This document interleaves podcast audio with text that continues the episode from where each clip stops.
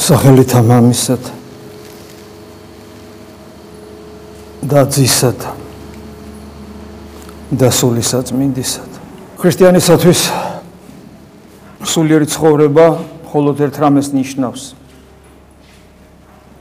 საკუთარ თავში შეხვდეს ქრისტეს და ქრისტეს მიერ მამას სულიწმინდას ანუ საკუთარ თავში შეხვდეს ღმერთს. ჩვენთვის ეს არის სულიერება ამას მნიშვნელობა აქვს იმ ფონზე რა ფონზეც ადამიანებს გონიათ სულიერება.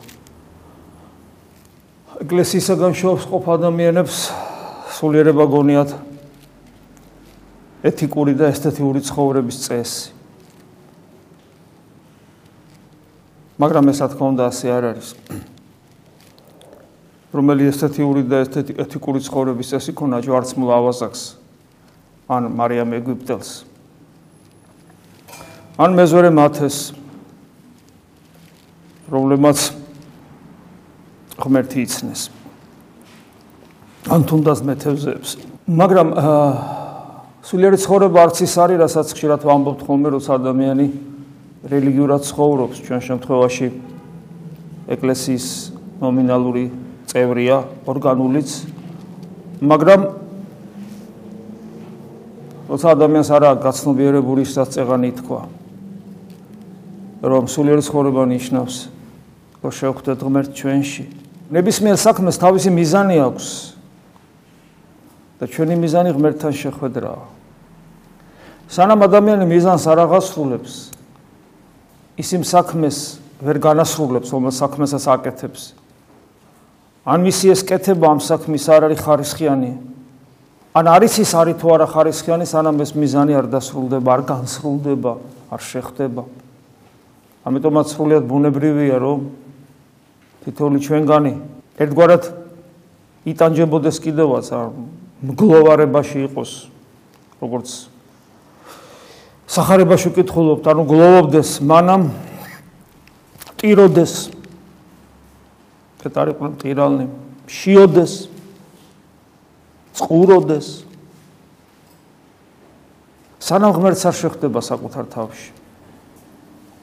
მეცას ვიტყვით, მზად იყოს თავის სისხლით დაამოწმოს, რომ ქრისტე ჭეშმარიტი ღმერთია.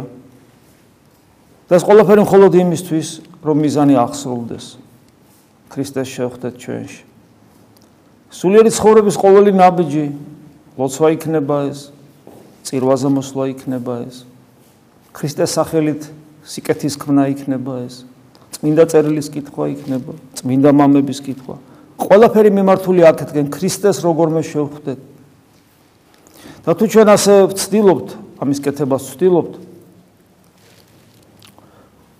ეს ნიშნავს იმას, რომ ჩვენ სულიერად ცხოვრობთ.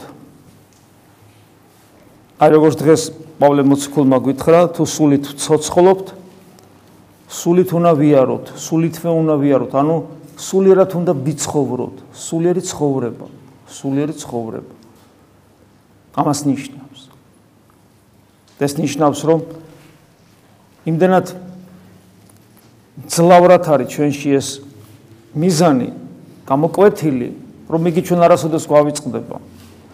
არ გვავიწყდება ნიშნავს იმას რომ მუდამ ხიზლად ვართ მღვიძარეთ რომ რაიმე მარ დაგვაკარგინოს ის რა ჩვენთვის არის მნიშვნელოვანი და ზურფასი და ჩვენში მოუკლებელი ლოცვა არსებობს. მოუკლებელი ლოცვა სწორედ აქედან გამომდინარეა რომ არც ერთი წამი არ უნდა იყოს ჩვენ ცხოვრებაში ისეთი, როცა ქრისტესთან არ ვართ. იმიტომ რომ ყოველი წამი როცა არ ვართ ქრისტესთან, ეს არის შესაძლებლობა ეშმაკისთვის. მადლობა ღმერთს ხოლო შესაძლებლობა, იმიტომ რომ ღმერთი რო არ გვფარავდეს, იგი ყოველ შესაძლებლობას გამოიყენებდა. შესაძლებლობა ეშმაკისათვის რომ ჩვენში შემოვიდეს. და მისი აქედან გაგდება, გულიდან გაგდება ძალიან რთული. და ეს სულიერი ცხოვრება სულით უნდა ვიაროთ, ანუ სულიერი ცხოვრება. ნიშნავს იმას, რომ ადამიანი თავის თავში ახდენს რეალიზებას იმ ღვთაებრივი თვისებისა, რასაც თავისუფლება ქვია. და თავისუფლების დეფიციტი ცალკე არის მიზეზი ჩვენი ტანჯვის. ადამიანს სული ეხუთება ამ სამყაროში. და როცა მისი თავისუფლება რეალიზებას იწყებს, ადამიანი გზნობს წინა გემოს ხილვას ბედნიერებისა, რომელიც მას როგორც ქრისტიანს სასופველში ელოდება. და აი პავლე მოციქული იმტო გვეუბნება რომ ძმებო თავისუფლებისათვის ხართო ხმობილი. ძმებო თავისუფლებისათვის აი გვახსენებს თითქოს თავისუფლებისათვის ხართ მოწოდებულნი. თავისუფლებისათვის. და ეს ეს მოწოდება არის როგორი მოწოდება, იცით, აი მუდამ რო უნდა გვესმოდეს. ანუ არა ეს თავისუფლება არის ღირებულება, რომლის გარეშეც ჩემი ადამიანობა უბრალოდ არ არსებობს. ადამიანი იმდენად არის ადამიანი, რამდენად იმდენად იმდენად არის რეალიზებული, რამდენადაც თავისუფალია. მაგრამ ჩვენ ხო ვიცით, როგორ დამახინჯებულია ეს შეიძლება ითქვას ერთ-ერთი ან ყველაზე მნიშვნელოვანი ღირებულება ადამიანის თავისუფლება. და აი გახსოვთ, დღესაც წავიკითხეთ. როგორც კი ამას ამბობს, რომ ძმებო თავისუფლების ხართ ხმობილნი, ანუ მოწოდებულნი თავისუფლებისთვის, იქვე იქვე გვახსენებს, მაგრამ ხორცელ განცხრომას მოახმართ თავისუფლებას. ამ შემთხვევაში ხორცელი განცხრომა უბრალოდ ჩვენ ფიზიკურ სხეულს არ ნიშნავს. იმიტომ რომ ფიზიკური სხეული ღმერთმა მოგცა, თავისთავად ცუდი ფიზიკურ სხეულში არაფერია. რა თქმა უნდა, იგი გადაგვარდა და ეს ამ ეს გადაგვარება ცოდვის შედეგია. რა თქმა უნდა, ღმერთმა ერთგვარი ამ სამყაროში ყოფიერებისათვის ამ სამყაროში სინანულისათვის ანუ შემოქმედებითი მეტამორფოზისათვის საჭიროდ შეიძლება თქოს გარდაქმნა ჩვენი შეეული ტყავის სამოსლად, ტყავის სამოსელი მოგცა. მაგრამ მიუხედავად იმისა, რომ აი ამ ცოდვამ ადამიანის ჩადენილმა ცოდვამ ესეთი ناقაფი გამოიღო, რომ ტყავის სამოსლად გვექცა ჩვენ შეეული და ასეთი ის არისო. როგორ იყო ჩვენ არ ვიცით. მაგრამ ასეთი არისო. ტყავის სამოსლით იგი გავს ცხოველის შეეულს. მაგრამ მიუხედავად ამ ერთგვარი ტრანსფორმაციისა, ცუდი მიმართულებით ეს რადგან ღმერთის ნებით მოხდა რომ კიდევ ვიმეორებ შემძლებოდა ამ სამყაროში შემოქმედებითი მეტამორფოზი ცხოვრება ან რასაც სინანული ქვია და ამით ღმერთის ზიების შესაძლებლობა მქონოდა ამიტომ ჩემი თითქოს დამახინჯებული დაზიანებული ცუდისკენ ტრანსფორმირებული სხეული ღვთაებრივ შვენიერების, ღვთაებრივი შვენიერების ბეჭედს მაინც ატარებს და ამიტომაც არის რომ ადამიანი რაღაცა თითქოს იდეალური ქმნილება შეიძლება ასე ითქვას ჩვენ ადამიანზე უფრო იდეალური ქმნილება სამყაროში ჩვენ არ ვიცით ცოცხალი არსებებიდან და საერთოდ ყველაფრიდან ყველაზე ლამაზია. ამიტომ თავისთავად თავისთავად ხორცი არ არის პრობლემა. როცა საუბარია ხორციელ განსხრომას, უკვე აქ მინიშნება არის, როდესაც სიამეთ მოყარეობა ხდება ჩემი დამქვეყნიური მიზნები, ჰედონიზმი და აქედან გამომდინარე უკვე იქ სულის გარეშე რომ არ არის ეგოიზმი, ანგარება, მრისხანება, ამპარტავნება, უსიყვარულობა, ეს ყველაფერი არის შეიძლება ჩავთვალოთ ხორციელ განსხრომად. და თლიანობაში ამას კიდევ ერთი სახელი აქვს, ეს არის დაცემული ბუნების ნება. და ნება, ნებელობა, იმიტომ რომ ადამიანი როგორც გონიერი არსება, თავისი სრულების დაკმაყოფილებას ახდენს და თავის მიზნების სრულყოფას ახდენს აქტიური ენერგიით, რომელსაც ნება ქვია.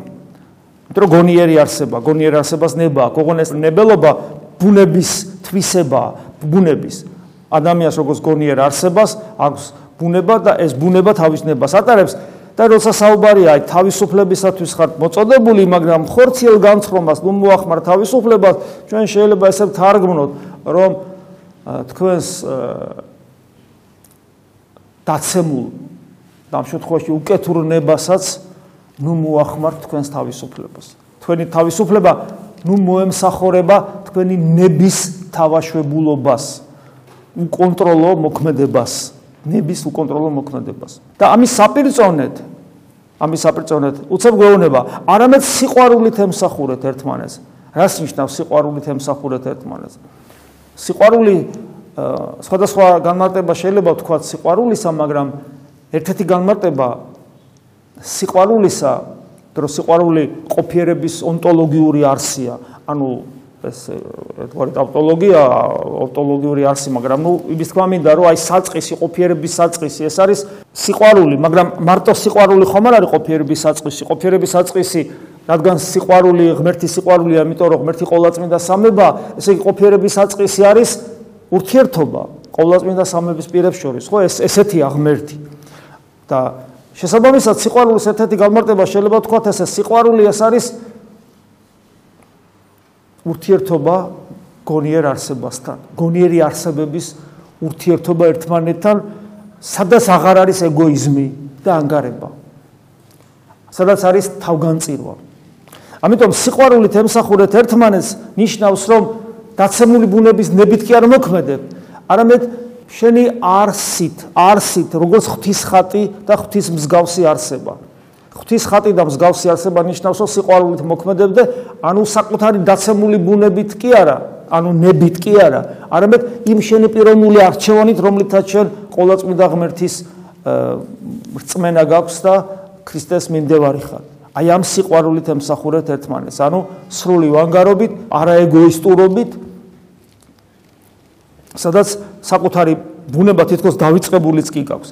ეს არის საპირისპირო ხორციელი განსხვმის და რეალურ ცხოვრებაში წესია. მაგალითად, ადამიანი რომელიც ოჯახს ქმნის ან მონასტერში მიდის, ოჯახის და მონასტერის სიყვარულის აკადემიაა და მისი ოდნავი, აი ოჯახისა და მონასტრის საერო სივრცეში მიმსგავსებული მდგომარეობა არის სამრელო ცხოვრება. ამიტომ სამრელო ცხოვრება ცოტათი მონასტერს გავს, ცოტათი ოჯახს გავს.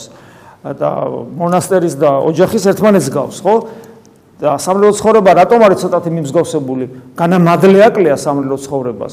მადლი თელი სისავსეა მადლისა ეკლესიაში. უბრალოდ ჩვენ სულეთად არა ვართ.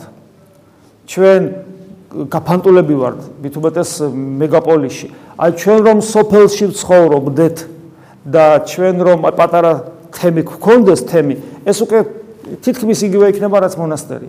მაგრამ რეალობაში ეს ასე არ არის. ამიტომ ჩვენ ცოტათი ვგავართ, მაგრამ აი ოჯახში და მონასტერში თელი სისავსი შეიძლება ეს გამოვლინდეს, როგორ როგორ ვისწავლოთ ერთმანეთის სიყვარული, იმიტომ რომ სადაც ეგოიზმია და ანგარება, იქ ირღვევა როგორც მონასტრული ცხოვრება, ისე ოჯახური ცხოვრება, ჯოჯოხეთად იქცევა შეიძლება ასე ითქვას. ამიტომ ეს ძალიან მნიშვნელოვანია. ამიტომ სიყვარულით ემსახურეთ ერთმანეთს, ეს არის ქრისტიანობის რეალიზება ყოფაში. ყოფაში და სამრელო ცხოვრება მართალია ვერ იძლევა იმ შესაძლებლობას ოფთელი სისავსით ესე იგი რეალიზდეს აქ ჩვენი სიყვარული იმიტომ კიდევ ვიმეორებ ну რეალურ რეალობიდან გამომდინარე ვამბობ მე რომ არიან ადამიანები რომელსაც ერთმანეთი არ უყვართ. ეს მათთვის არის ტრაგედია. ისინი ნომინალურად ჩემიან ეკლესიის წევრები მაგრამ არავინ არ იცის მათი მარადისობაში ხვედრი როგორი იქნება. ღმერთმა ნუქნას რომ ის ვისაც ერთმანეთი არ უყვარს, ისე გარდაიცვალოს, რომ ეს უსიყვარულობა კვლავ მას გულში დარჩეს. ღმერთმა ნუქნას, ნუქნას ღმერთმა. უბრალოდ აქ ეს არ იგზნობა ეს დისკომფორტი მაინდა-მაინც, იმიტომ რომ კვირაში ერთხელ ნახავ, კვირაში ამდენჯერმე ნახავ. ხო და მე გადიხარ და ნუ აღარ ფიქრობ მასზე, შენი საქმეები გაქვს, მაგრამ აი ოჯახში, ოჯახში და მონასტერში იქ ვერსად ვერ გახვალ. ეს არის ერთი სივრცე, სადაც იქიდან გამოსვლა შეუძლებელია, ამიტომ იქ შენი უსიყვარულობა, ეგოიზმი მთელი საშნელებით ავლეს თავს და მთელი ესე იგი საშნელი დრამა თამაშდება ხოლმე. მაგრამ მეორე მხრივ, ვინც მონასტერში არა ვარ, ერში ვარ, სამრელო ცხოვრება არის აკადემია სიყვარულის სწავლის. ვინც გონიულად იცხოვრებს სამრელო ცხოვრებით. ხო და აგზელებს პავლე მოციქული. მე ვამბობ, სულიერად იარეთ და ნუ ცდილობთ აღასრულოთ ხორცის სურვილი. აქაც ისი, აი ეს ამას ნიშნავს. ნუ რო თარგმნოთ უფრო საფრთხისმოწყალო ენაზე. ესე იგი, სულიერად იარეთ ნიშნავს იმას, რომ საფრთხონებით იცხოვრეთ და ნუ ცდილობთ ხორცის სურვილი აღასრულოთ, ანუ ნუ ცდილობთ თქვენი ნებით იცხოვროთ. აი მამაო ჩვენოს რეალიზებაა ეს.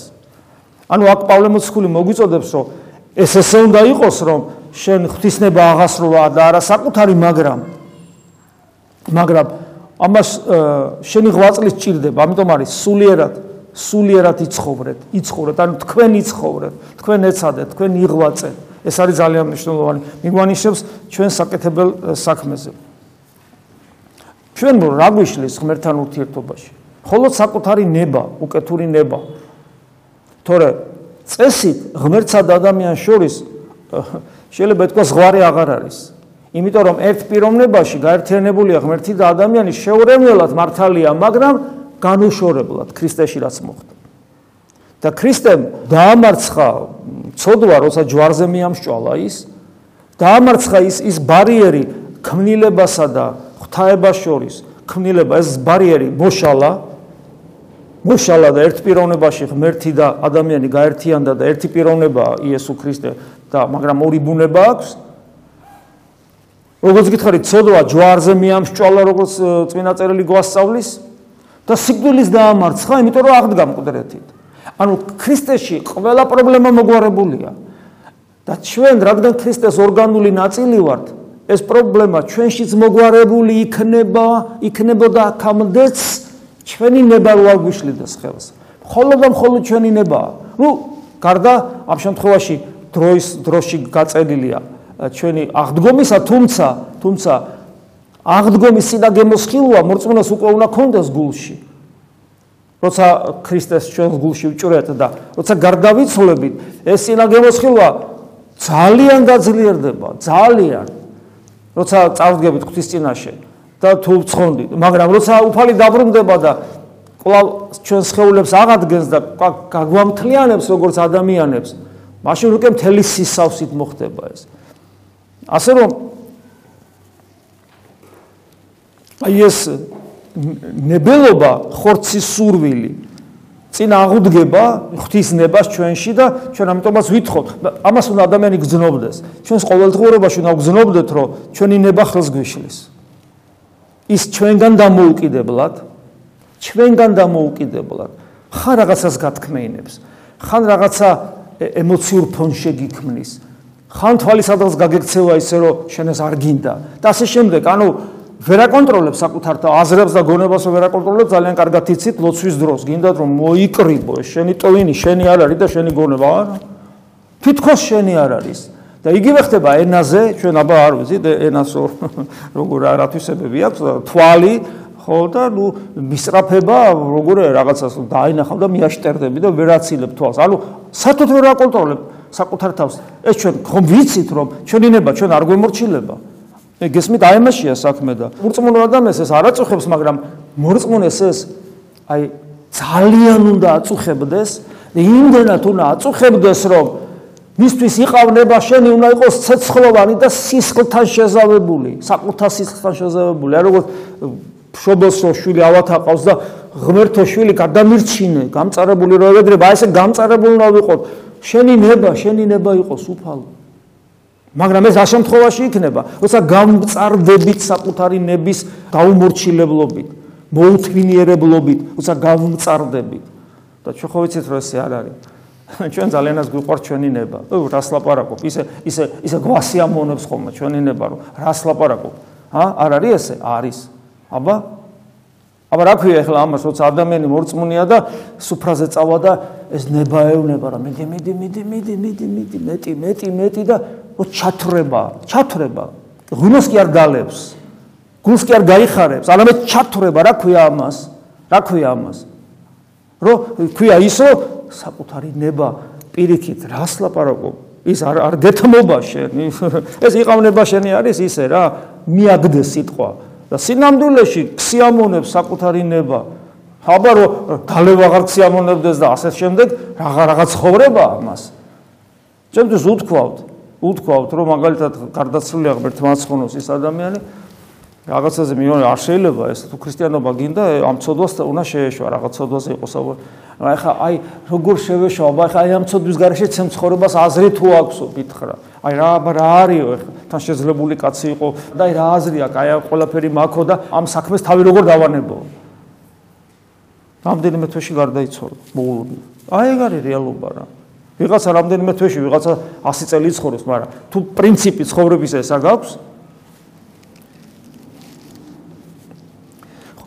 რადგან ხორცს სულის საპირისპიროდ სულს სულს კი ხორცის საპირისპიროდ ისინი ერთმანეთს ეურჩებიან რათა ვერ აღასრულოთ ის რაც ქსულ ნუ ეს ომი მუდმივი ომი ეს ხო გამოგიცდია სულ ომი არ არის ჩვენში სულ მუდამ მუდამ ომია ვაი ის ვისაც არანერი ომი არ აქვს შიგნით.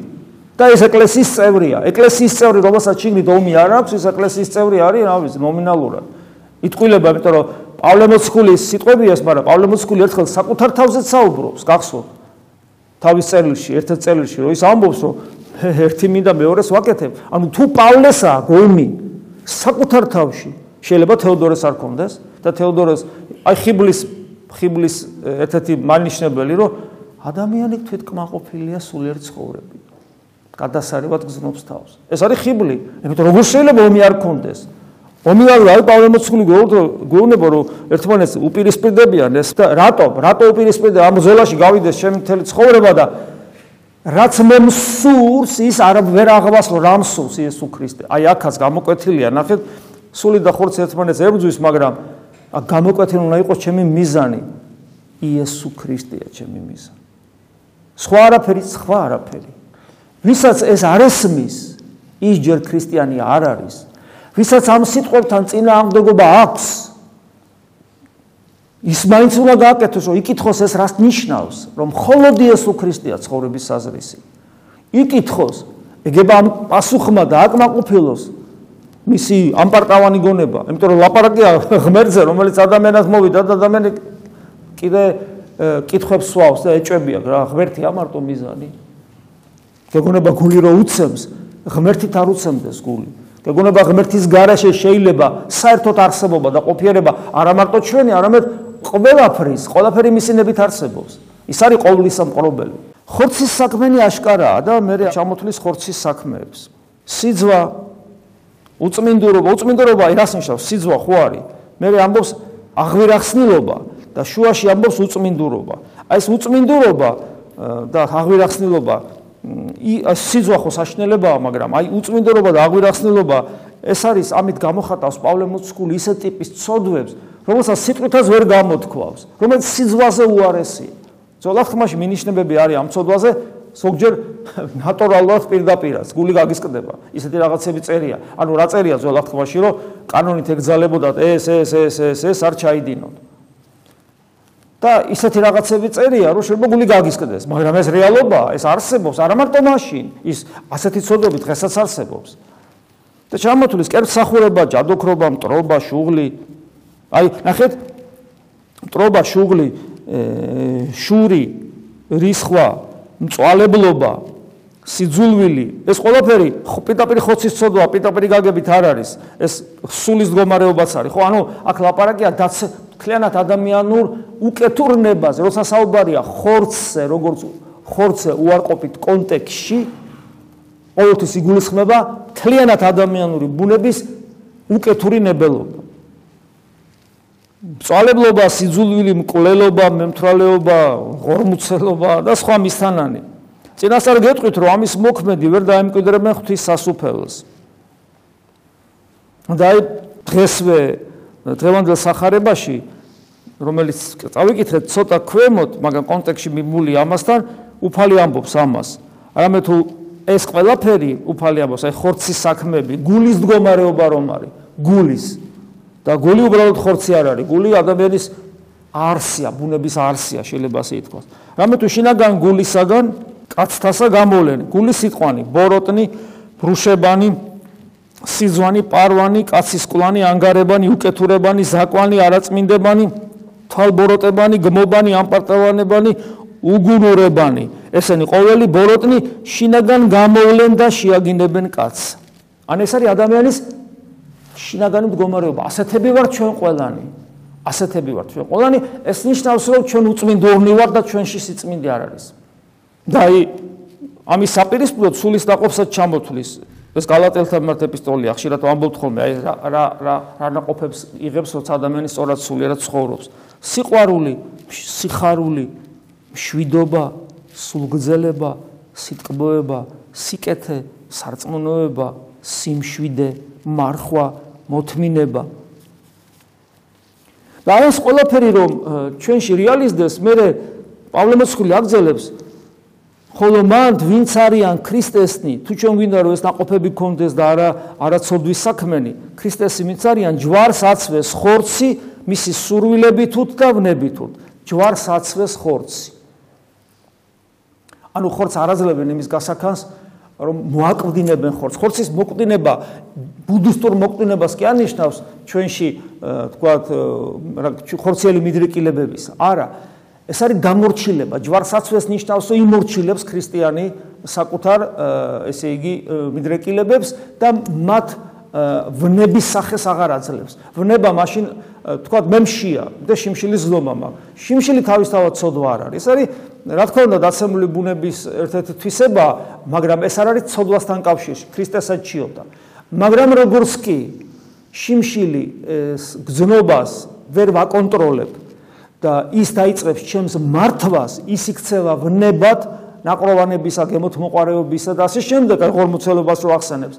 ის იწყებს ჩემს მართვას და ამის მაგალითად ჩვენ შეგვიძლია ყველა დანარჩენი განსაზღვროთ ადამიანში რაც არის არაფერი თავისთავად ცოდვა არ არის მაგრამ როგორც კი ის კონტროლიდან გამოდის როგორც კი ის მაპირუტყვებს და მადემონებს იმ წამსვე ის საშინელებად იქცევა და მღუპავს და ეს ყველაფერი რომელიც ჩემში არსებობს ნებების სახით მე მხდის უწმინდურს ჩემში არ არის სიწმინდე და როდესაც ჩვენ ვამბობთ რომ ჩემი მიზანი სულიერი ცხოვრებისა არის ქრისტე და ჩვენ აქ რომ მოვდივართ, მოვდივართ იმიტომ რომ ღმერთ შევხვდეთ, იესოს ლოცვაზე რომ დგებით, ზივართ სიბნელეში ლოცულობთ, ზოგი ღამეც დგება, მიზანი არის ქრისტესთან შეხვედრა. არა რაიმეს თხოვნა.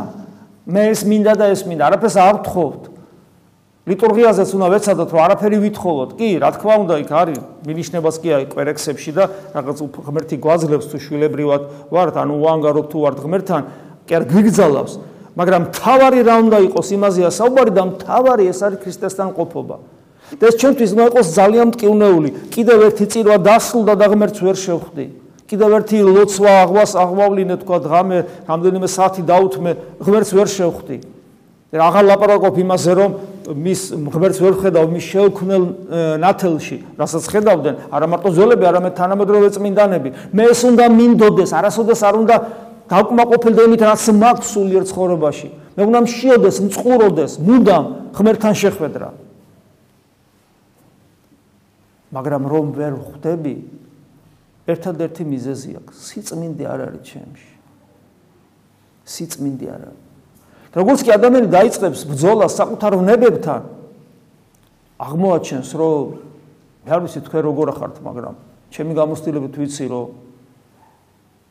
მისი დამარცხება, ვნებების დამარცხება პრაქტიკულად შეუძლებელი ხდება. ამას თავის მიზეზი აქვს ობიექტური ობიექტური ის რომ მართლა ცოდვილები ვართ ყოველგვარი გადაჭარბების გარეშე და მეორე ის რომ გარემოა ძალიან ცუდი, ძალიან ცუდი გარემოა, მუდმივ, მუდმივად არის ეს ჩვენ რას გავართ, იცი რომ ოთახში რომ გინდა რომ ღუმელს რვა ანთებ და გინდა რომ სითბო შეინარჩუნო და მუდამ რომ ფანჯრები იღება, საპირისპირო მიმართულები და ვერ კეტავ, შეუძლებელი როა. დაკეტავ, გაიღება, დაკეტავ, გაიღება. ზოგ შემთხვევაში ისე იღება, შენ არავნერ გეკითხება. ანუ და ორ პირ ხარში რომელიც სიტყვა დაგროვდება, ეს არის ობიექტური მიზეზი. მაგრამ არსებობს სუბიექტური მიზეზიც. პავლე მოციქული გვეუბნება ამას. სისხლამდე წინ არ აღუდგები თეოდორე ცოდვას და იმიტომა რომ სიტმინდი არა გაქვს. სისხლამდე არ აღუდგები. და სისხლამდე აღდგომა რას ნიშნავს, იცით? აი რასაც იოსების სიკასტის ცხოვრებაში ვკითხულობ. ეს არის ნიშნავს ბოლომდე თავგანწირულად, რომ არ აძლევს საშუალებას რომ ეს სიტყვა დაიკარგოს. ანუ მიუხედავად ამისა, რომ ფანჯრები სუღია, მაინც დაკეტილი გაქვს ფანჯრები თავგანწირული ღვაწლით და ჩვენ ეს ხო არ გვაქვს. ამიტომ რეალობა ესეთია, ჩვენ ქში უნდა თუ არ ქშია და არ წყურია და არ გვადარდებს, ქრისტიანები არა ვართ. ჩვენ უნდა ქშიოდეს, წყუროვდეს, ჩვენ უნდა ვგლოვობდეთ იმას, რომ ღმერთს ვერ ხვდებით, ვერ ხედავთ მას. ეს არის ჩვენი ერთადერთი ერთადერთი ცხოვრების აზრისი და ჩვენი არსებობას მხოლოდ ეს ამართლებს, როგორც ადამიანებისას. და არა გვაქვს ეს, მე მე გვახსოვდეს, რომ იმიტომ არა გვაქვს ღმერთთან შეხვედრა, რომ სიწმინდე არ არის ჩვენში. და ეს ჩამოთვლილია ყველაფერი რაც ასეც ვისაუბრეთ რომ ეს არ არის ჩვენში. და პრობლემა რაც არის გულში და ხორცის საქმეებში კი ვნახეთ. მათ შორის უსიყვარულობა და ასე შემდეგ. მე ვიბრძვით ამ ვნებების წინააღმდეგ და არაფერი გამოგვდის არაფერი გამოგვდის. ერთადერთი ნუგეში მე პირადად შევა ხოლმე ის რომ ვეცადოთ არავინ განმიკითხოთ ამიტომ ერთადერთი არის ის რომ კიდევ ერთხელ გვახსოვდეს რომ თუ ქრისტესტი ვართ უნდა ჩვენ არ მივცეთ ჩვენს ნებას უკვე ხორცი ჯვარს ვაცვათ უნდა ხორცი სურვილები თუ და მნები თურთ ანუ ჩვენ ნებას გასახანი არ უნდა მივცეთ უნდა ვიომო და ვიბძოლოთ და სწორედ ამას ნიშნავს და ქრისტე იყოს ჩვენი ცხოვრების აზრესი ამიტომაც პავლე მოციქული ამიტომაც გვეუბნება რომ სულით უნდა ვიცხოვროთ სულით უნდა ვიარსებოთ სულით უნდა ვიაროთ. ეს არის სწორედ ის რაც ჩვენ გადაგვარჩენს და რასაც არასოდეს არ უნდა მოვეშვათ უკანასკნელ ამოსულ თქვამდე ამინ მადლი უფლისა ჩვენისა იესო ქრისტესი და სიყვარული ღვთისა და მამის და ზიარება სული საწმინდისა იყოს თქვენ ყოველთა თანა. ამინ